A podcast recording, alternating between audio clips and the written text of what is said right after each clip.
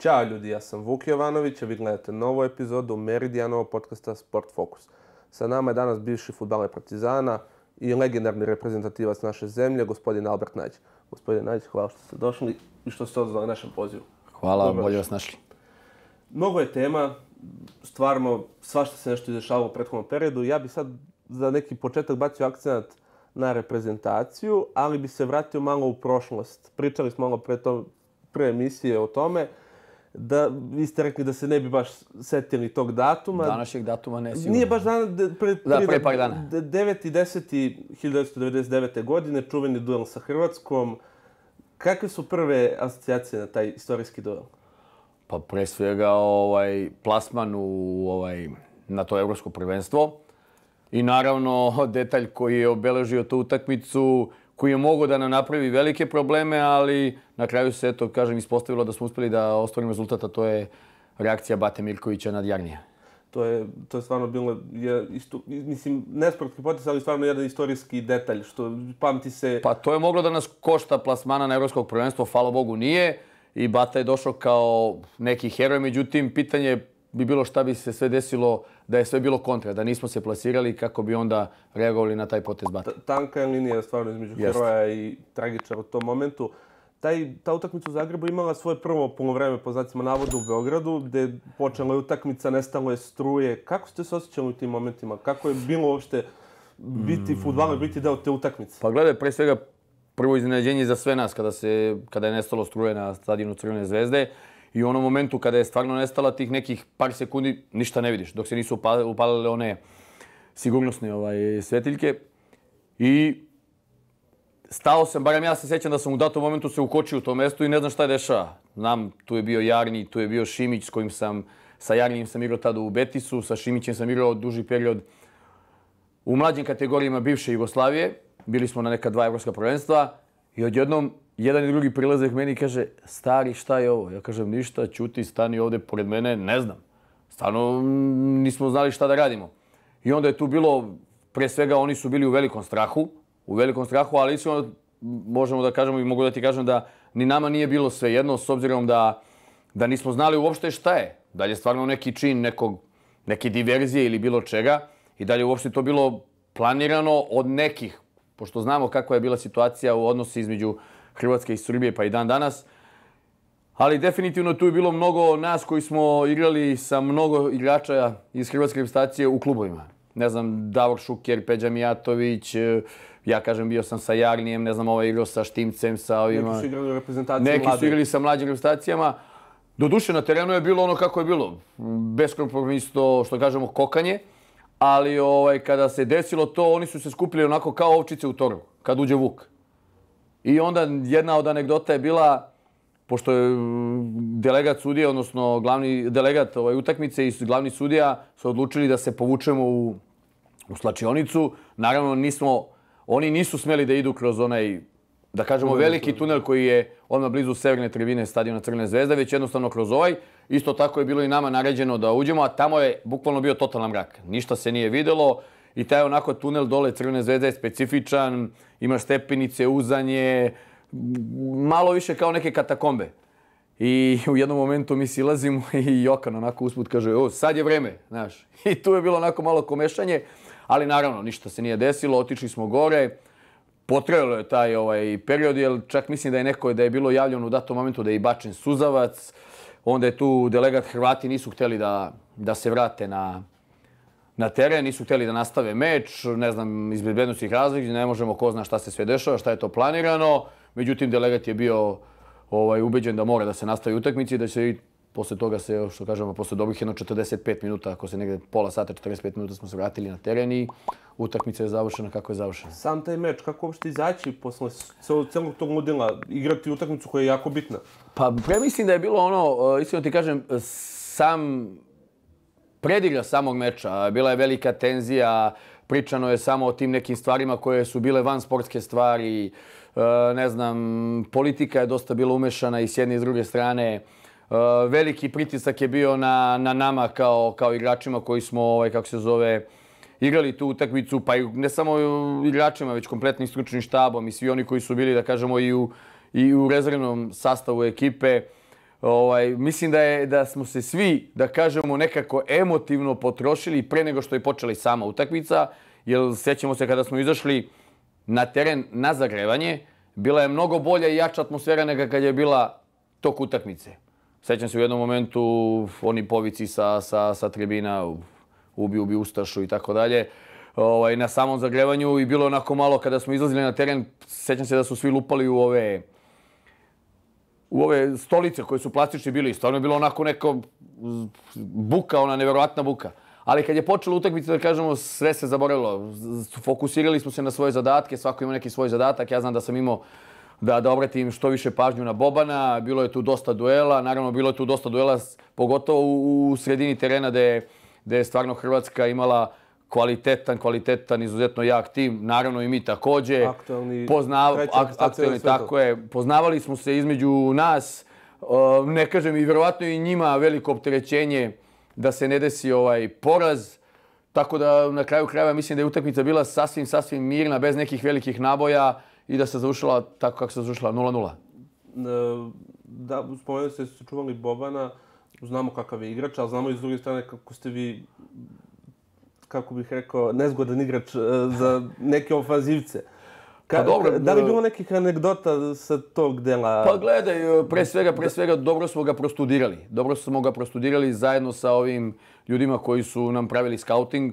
Doduše, nije tu nešto ni bog na šta trebalo, jer smo, opet kažem, poznavali se, igrali smo jedan protiv drugog i tako dalje. Možda ne ja direktno protiv njega, ali sam gledao dosta utakmica gdje je Boban igrao i kako igrao i znao sam da ima te poteze da krene u jednu stranu, da izvuče loptu u drugu stranu. E, bio sam fokusiran na toga upravo da me da gledam samo u loptu, da ne gledam njegov njegov e, položaj tela, odnosno pokrete tela, jer praktično bi me u datom momentu upravo izbacio na tu njegovu, što kažemo, fintu, da, da ostavi loptu jednu, da iznese u drugu, u drugu stranu. E, dobro, bilo je sve onih čarki, one kako su bilo prozivanja, po znacima navode, ružnih reči i tako dalje, ali to je sve bilo u sklopu tog, tog, dela, tog dela na terenu i naravno posle kad se završila utakmica smo se ispozdravili i teremo dalje. Znali smo da nas čekaju još dosta utakmica u kvalifikacijama. Posle toga, mislim, ne baš neposredno, posle toga utakmicu u Zagrebu koji ima listi taj naboj emotivni samo na nekoj drugoj strani. Pa odlučujuće. E sad, sad, kako je bilo u tom momentu? Imate ceo, ceo stadion, celu jednu državu protiv sebe, sprovođeni ste maltene, kako sprovođeni deo, onaj čuveni in, intervju. intervju koji se premotava pa gledaj, decenijama. Ovaj, od, samog, od samog dolaska, od samog dolaska na aerodrom u Zagrebu, stvarno smo bili ono što kaže obezbeđeni maksimalno i definitivno ja sam bar takav usjeh stekao da tamo ne može ni dlaka glave da nam padne. Pre svega zašto je to bilo poslednja utakmica u kvalifikacijama, jer šta god da se desilo, ne daj Bože, u nekom kontrasmeru, Hrvati bi vjerojatno podneli konsekvencije, odnosno izbacivanje sa Evropskog prvenstva i tako dalje.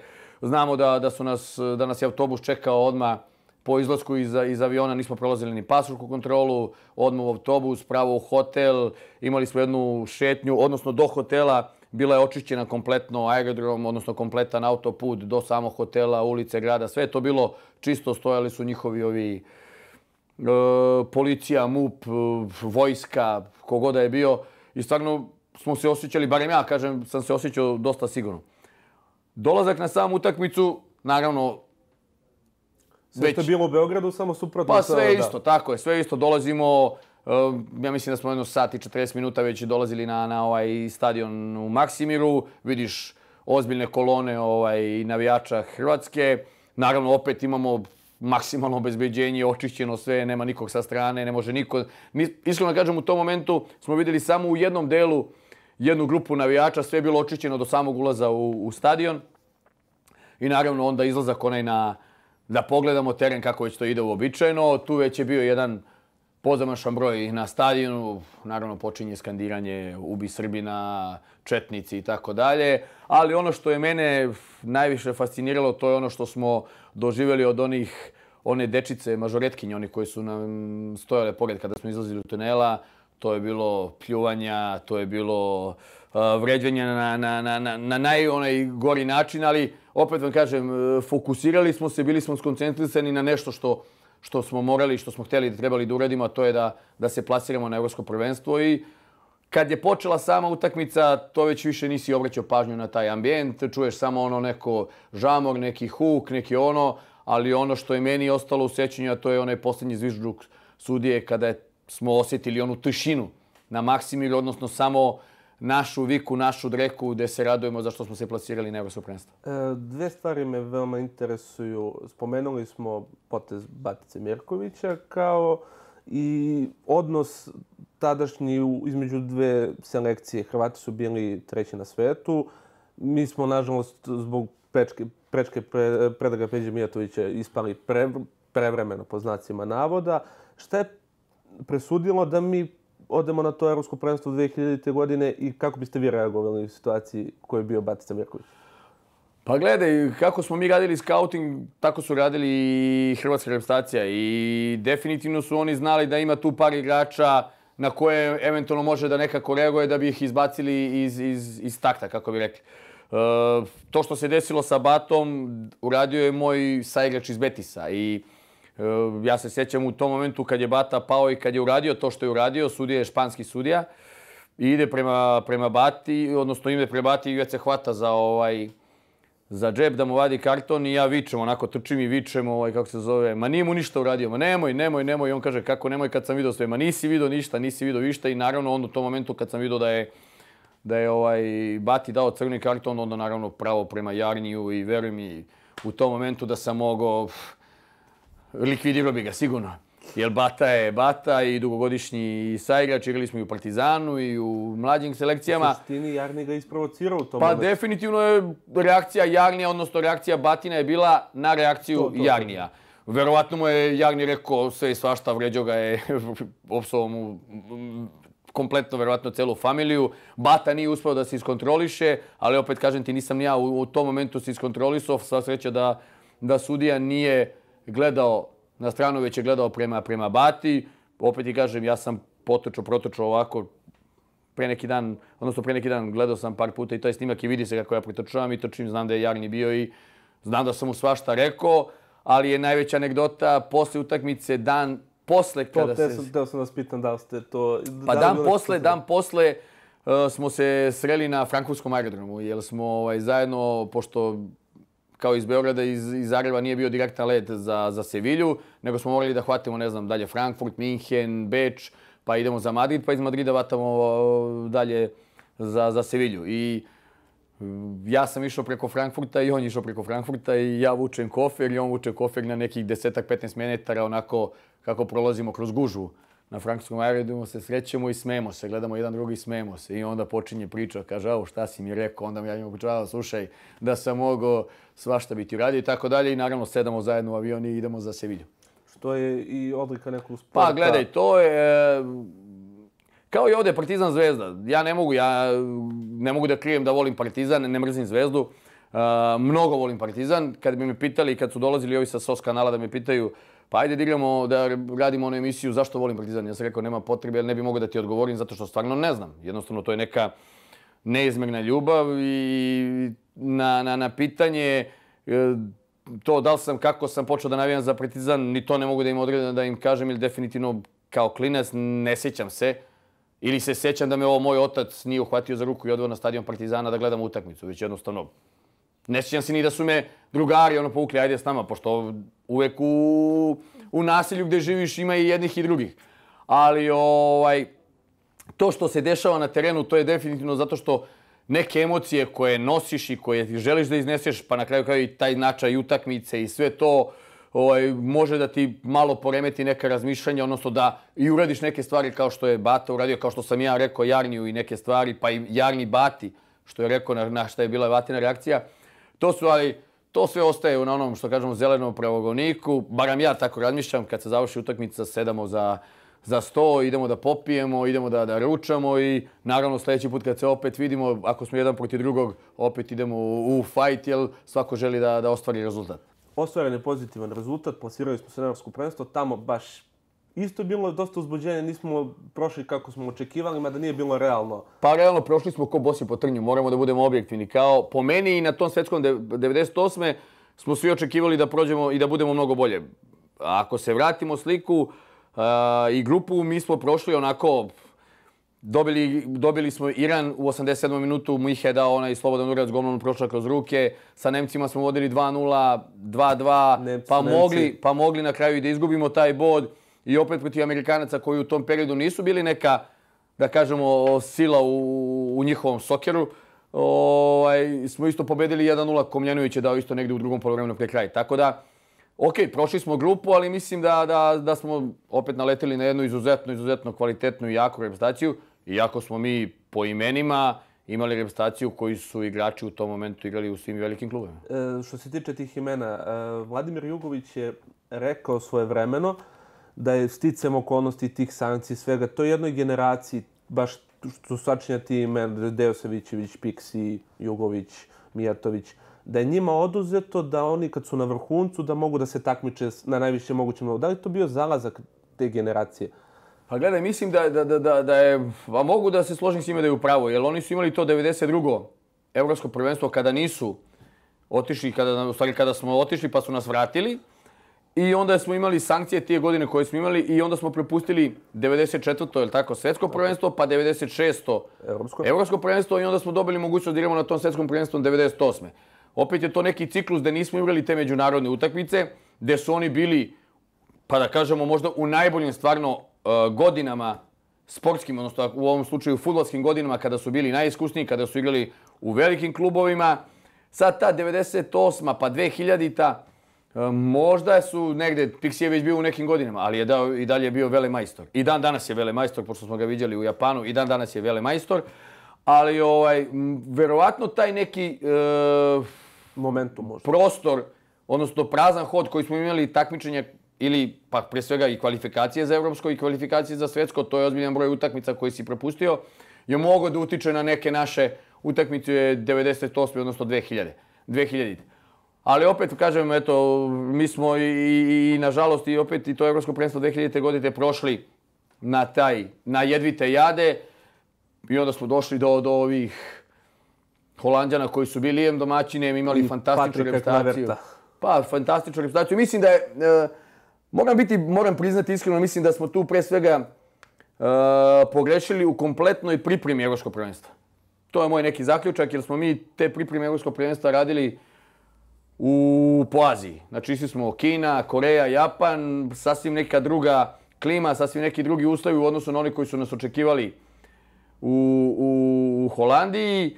I dobro, još nekih, nekih nerešenih problemčića koji su bili uvijek, kako smo mi poznati, Srbi, odnosno tada je bila Jugoslavija, da li će da igra ovaj, zašto igra ovaj, zašto ne igra ovaj. E, svaki novinar od novosti sporta, žurnala imao neku svoju reprezentaciju, pa je pokušavao da nametne i tako dalje. Međutim, ovaj, definitivno tu utakmicu protiv Holandjana smo naišli na izuzetno raspoloženu reprezentaciju. Doživjeli jedan težak ovaj, poraz, ali to je sastavni deo svakog sportiste i naravno moraš da se okrećeš već dalje, jer si imao naravno sljedeće kvalifikacije za Svetsko svetsko, prvenstvo. E, ta 2000. godina ostala je upamćena kao poslednje evropsko prvenstvo na kojem je nastupala naša selekcija. Pre nego što osvrnuo na priču na današnju reprezentaciju koju vodi Dragan Stojković Pixi, pitao bih vas šta je to različito što je imala ta reprezentacija što se plasirala na velika, dva velika takmičenja i verovatno bi bilo još više da nije bilo svega prethodno što smo naveli, a šta nije imala ova, nisu imale ove generacije koje su dolaze. Pa da se ne ljute sve ove generacije, pa sad pričam i ja sam mlađi od Pixije i od E po nekoliko godina, znači i neke moje generacije, da kažemo od 72. 3. 4. godište pa ka mlađim godišta, Znači, ovo pričam onako najiskrenije i bez bilo koga da uvredim i tako dalje. Mislim da su ta generacija imala mnogo, mnogo veći kvalitet, pojedinačni kvalitet, pa da kažemo ne možda kolektivni, možda nismo bili kao kolektiv, možda zato nismo ni imali neke uspehe i veće uspehe što su svi očekivali, jer s obzirom da smo stvarno imali jednog Deju Savićevića, jednog Piksija, jednog Mihu, Jugu, Jokana, e, Drulovića, Brnovića, Batu Mirkovića, Savu Miloševića, Kovačića, da ne izostavim nekoga, nekoga da se ne naljuti, koji su bili u svojim klubovima evropske ili svetske zvezde. I bili jedni od najboljih igrača. I onda se stvarno postavljalo pitanje pa zašto, kako. Pa definitivno nam je falilo uvijek, taj, uvijek po meni taj neki kolektivni duh, odnosno da smo svi onako, da se svi postavimo u jedan jedini zadatak, a to je da ostvarimo najbolji rezultat.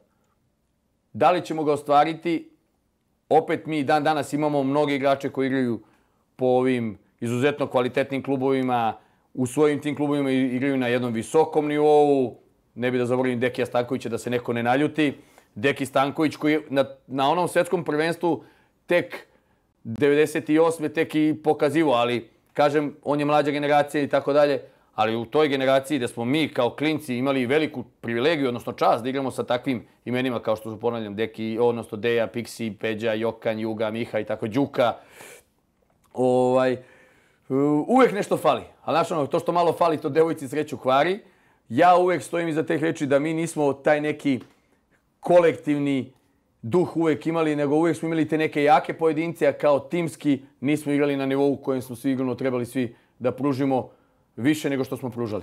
E, možda da napravimo paralelu te reprezentacije sa reprezentacijom 80-ih godina. Ja sad ne mogu tačno da se setim, ali neko izjavio, iz tih, da li možda čak i Pižon ili neko, da je, ne može u reprezentaciji da bude 11 majstora, da mora neko da donese vodu, da neko meša malter. Pa i tad smo, ja se sjećam, imali smo, iako sam imao 6 godina, imali smo i 82. na Evropskom prvenstvu u Španiji, imali smo i Sušića, i Zlatka Vujovića, i Zajeca, i ajde da ja sad koliko mogu da se setim, e, vrhunske, vrhunske ovaj, futbalere koji su isto igrali u, igrali su u našoj ligi neki, a neki su već bili u inostranstvu, ali naša liga je bila izuzetno kvalitetna, E, igrali su po jedan već duži period po svojim klubovima.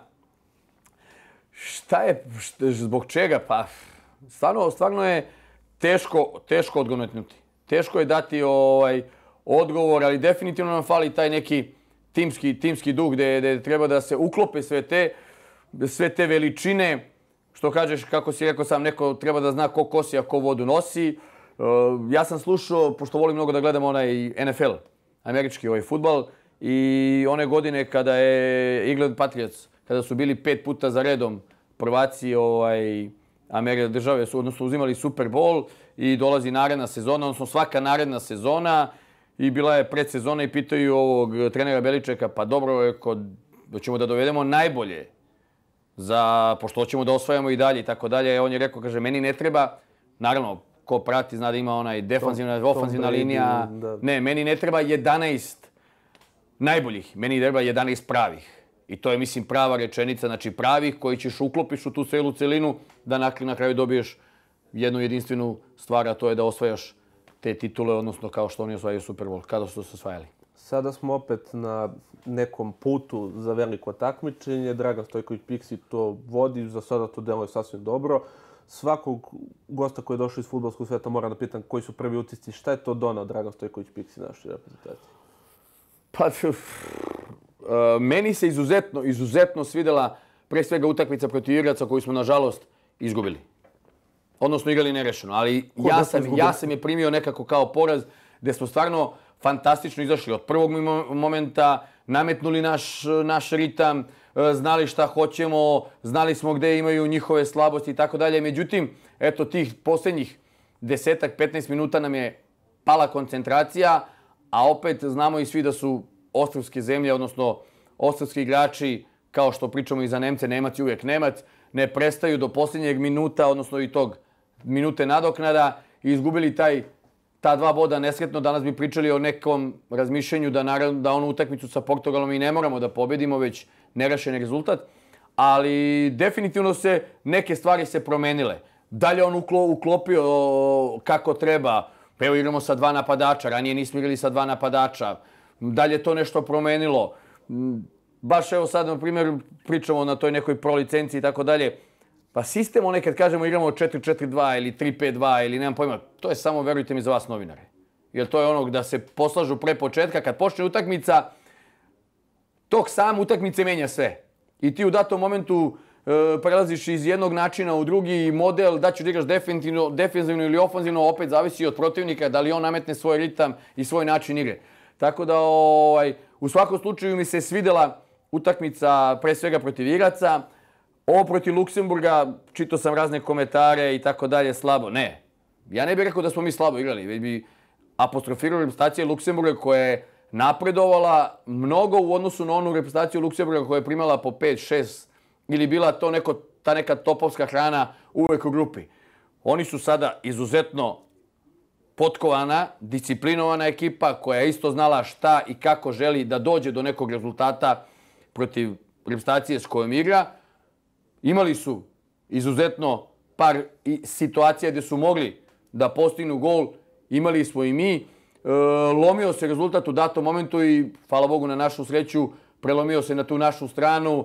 Osvojili smo ta dva, ta tri boda, mnogo bitna boda, ali opet ponavljamo, već za 3-4 dana, evo danas igramo sa reprezentacijom Azerbejdžana. Izuzetno betna utakmica. E, mislim da ne treba da očekujemo i ja, iskreno, niti bi me interesovalo da to bude prelepa, da to bude sa što više golova. Naravno, uvek voliš da pobedi sa što više golova, ali u ovom momentu je bitna samo pobeda, jer ta tri boda nam daje za pravo da možemo da računamo sa jednom izuzetnom jakom reprezentacijom u posljednjem kolu da možemo, da možemo da se nosimo sa Portugalom, da možemo da igramo sa Portugalom, da možemo da ostvarimo cilj, a to je plasma na svetsko prvenstvo. E, samo da napomenemo gledalci, mi ovo snimamo utorak, e, emitovat će se emisiju u četvrtak, samo da ne napravimo neku zabunu. E, hteo bih da vas pitam, vezano za ovu utakmicu sa Luksemburgom i sa Irskom. Srbija je u kratkom vremenskom periodu, ni mjesec dana, ja mislim da nije prošlo, pokazala da može da se transformiše, da pobeđuje kad igra malo lošije. To jest, kad e, Luksemburg dosta toga nije dozvoljavao našoj reprezentaciji, što ste vi spomenuli, ali odlika velikih ekipa je da pobeđuju kada ne ide sve. Pa jeste, slažem Ja opet ponavljam, vratit ću se na, na reprezentaciju Luksemburga. Pre svega mislim da su uradili fenomenalno da su snimili našu reprezentaciju. Znali su odakle nam preti najveća opasnost. Znali su da imamo izuzetno brze bočne e, ovaj, igrače, znali su, znali su verovatno, a nema da to ni da se skautira, odnosno da se prati, definitivno znaju je li ti igrači igraju manje više tako i u svojim klubovima. I oni su izuzetno dobro nama u tom segmentu parirali. I oni su mnogo dobro postavili. I oni su nama brzo izlazili u, u tranziciju, u kontru, polu kontru. E, imali su, ponavljam, još par situacija gde su stvarno mogli da nas ugroze. Na našu sreću to se nije objestinilo I ovo što ste vi rekli, mnogo je bitno kad i ne igraš na nekom možda E, nivou koji si ti očekivao, a osvojiš rezultat koji ti je potreban. Nama je bila potrebna pobjeda. Nama je bila potrebna pobjeda iz prostog razloga zato što imamo dve utakmice u, u, u koje nas vode na evropsko prvenstvo i što je rekao, što je rekao Pixi, ponovo se slažem s njima, pa ne možemo ni svakom da damo 3-4 komada. Nije teško, svi danas igraju futbal. Na kraju krajeva, kad pogledate te reprezentacije, pođemo od Švajcarske, Austrije, pa Nemačke, to nije više reprezentacija Nemačke koji igraju samo Nemci. Nije reprezentacija Švajcarske koji igraju samo Švajcarici. Austrije da igraju Austrijanci. Tu većina su e, igrači koji nisu, ili su rođeni tu, ali nisu... E, te nacionalnosti. Ne, da, te, tako je, nacionalnosti. I onda ti definitivno nije više to ono kao nekada Austrija je bila slabija, Švajcarska, Švajcarska je već u posljednjih godina i na svetskom i na evropskom prvenstvu. Tako da, zato kažemo, mnogo je bitna pobjeda, mnogo je bitna pobjeda protiv Azerbejdžana i naravno sa te dve pobjede idemo u Lisabon, što se kaže da se nadigravamo sa, sa reprezentacijom koja je među 4-5 u svetu. Ponavljam još jednom, futbol je vrlo, vrlo interesantna upravo zbog toga zato što iako si veći favoriti od protivnika, ne mora da znači da ćeš pobediti, dok u ostalim sportovima to je malo ovaj drastičnija i veća razlika, tako da ponavljam još jednom, ukoliko budemo shvatili i budemo imali veliko samopouzdanje nas, da idemo, da idemo protiv jednog protivnika koji ima izuzetan kvalitet, izuzetan kvalitet, ja lično, ja lično bih voleo da Ronaldo igra, pošto smatram da je Ronaldo E, mnogo drugčija ekipa u odnosu kad, odnosno Portugal e, ekipa u odnosu kad igra Ronaldo i kad ne igra, čak smatram da je Portugal, Portugal mnogo opasnija u datom momentu ako nije Ronaldo na terenu, jer uvijek nekako mi se čini da sve se tu vrti oko njega, da je on ta neki preko koga žele sve da završe. Znamo da Portugal, pored Ronalda, ima još jedno 10-12 fantastičnih igrača i, i, i ne treba da se opterećujemo njime, već trebamo da budemo fokusirani na to, da ne primimo taj gol, a ja se nadam da ćemo upravo naći neku šansu preko Mitra, preko Malog Đuričića, preko Tadića, ajde sad Kostića ili ne znam bilo koga, mislim da imamo dovoljan fond igrača kvalitetni koji možemo da, da napravimo, da možemo da ih, da ih dobijemo u Portugal. E, Dragan Stojković Pixi potvrdi ono što se i znalo negde za njega, da je on jedan izuzetan autoritet. E, da li možda možete da povežete sa igračkim periodom? Da li postoji neka anegdota gde on pokazuje pleni, a on, on pleni na igračkom na planu, na terenu. Ali da li je u tom ljudskom segmentu, on je bio kapiten? Pa ovako, gledaj, ja ću ti reći, možda će se e, mnogi navijače ljutiti Partizana na mene, ali za mene to je najbolji igrač Jugoslavije svih vremena. Za mene. I sada neko će se možda ne ljutiti i ovi će mi s druge strane brda reći, vidi ga šta ovaj priča, hoće i tako dalje, ulizuje se. Ne, imao sam čast i priliku da igram sa njime. Iako sam igrao i ideje na neku ruku, fantastičan igrač i Peđa, i Jokan, i Juga, i, i ranije generacije bio i Safet Sušić, i Blas Lišković, i ne znam, pričaju za Dragana Džajića koji je proglašen.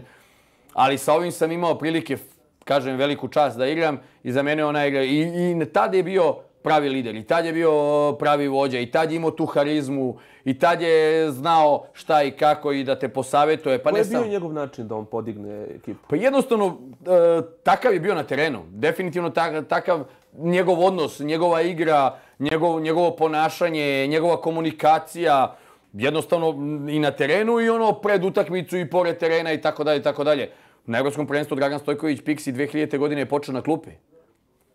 I nikakav problem.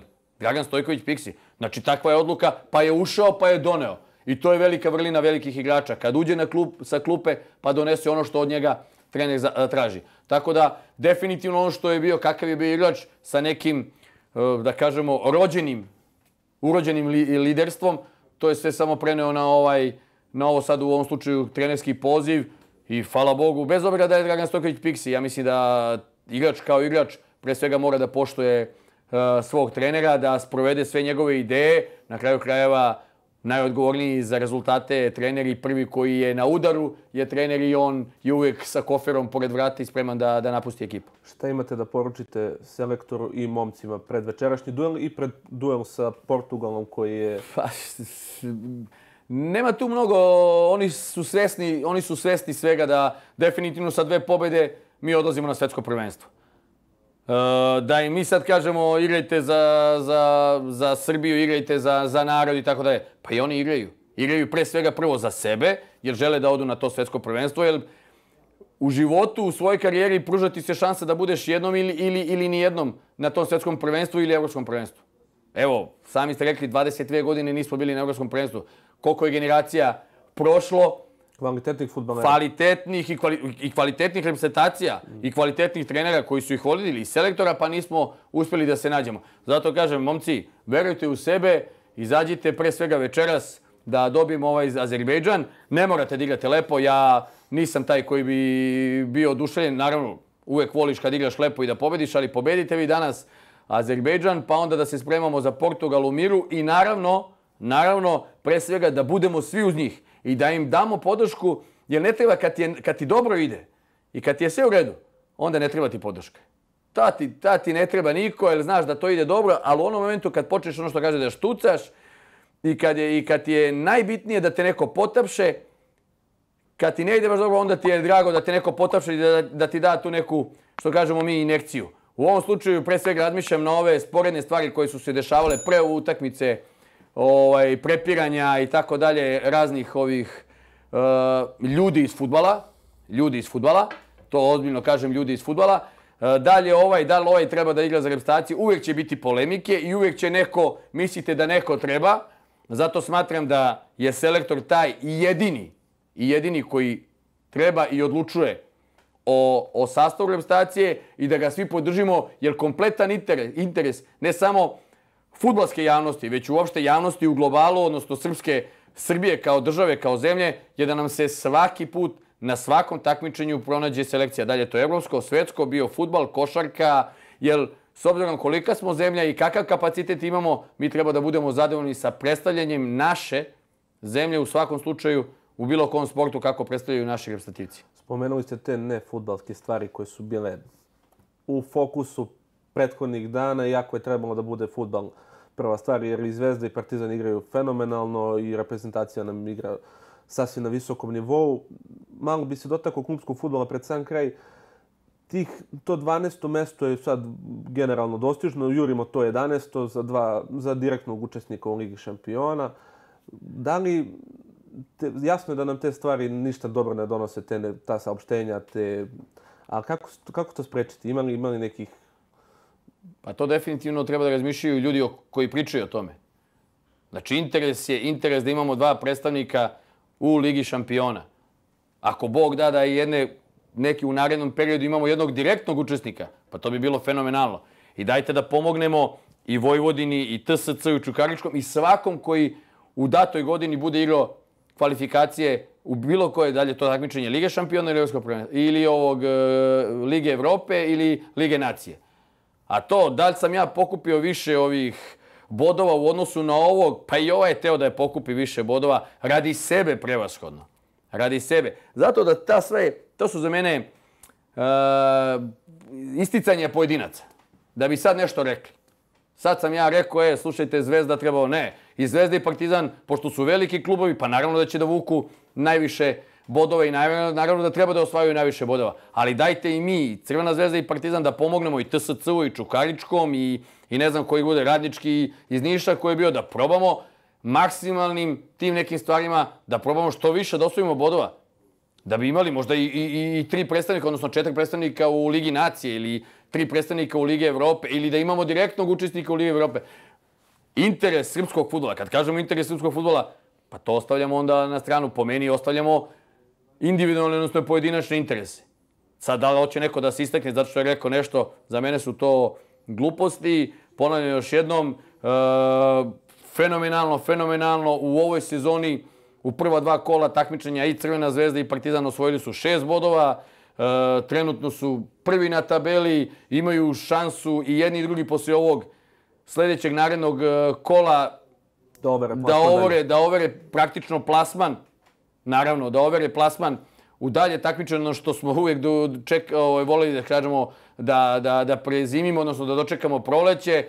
Ljudi, ajmo svi da zapnemo, ajmo svi da stanemo i da pomognemo svi. A to mislim bukvalno svi, prije svega na sportske radnike, igrači kao igrači, sami to moraju da urade što se tiče utakmice, a i kompletna javnost, bez obzira da li smo crveno ili crno-belo.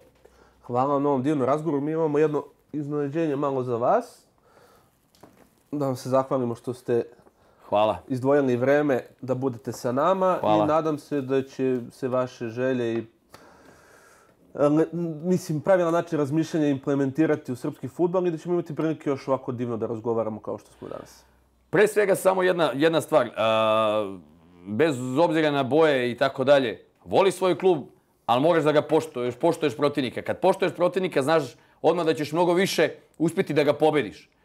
I to je moja neka bila uvek, ovaj, moja neka razmišljenja, pa i dan danas kada, kada sam trener uh, mlađeg tima Partizana, odnosno prvog tima Teloptika, je ta, moram maksimalno da respektujem protivnika, da ga dobro snimim, da vidim koliko je ona jak, da probam da ja moju ekipu spremim da bude jača. To je nešto sasvim normalno i naravno, ponavljam još jednom, s repstaciji, repstaciji, uh, ovaj, sad, odnosno večeras protiv Azerbejdžana, maksimalna podrška. Žao mi je što smo prethodnu utakmicu imali veoma malu posetu. Da li je to vreme, da li nije. Ali gledajte, pa ne igra stacija svake nedelje, ovaj, kako se zove, u, u ovim utakmice da možemo da, ne, da jednu preskočimo. Ne, imamo u tri mjeseca četiri utakmice, četiri utakmice možda u Beogradu ili ne znam u Novom Sadu i tako dalje.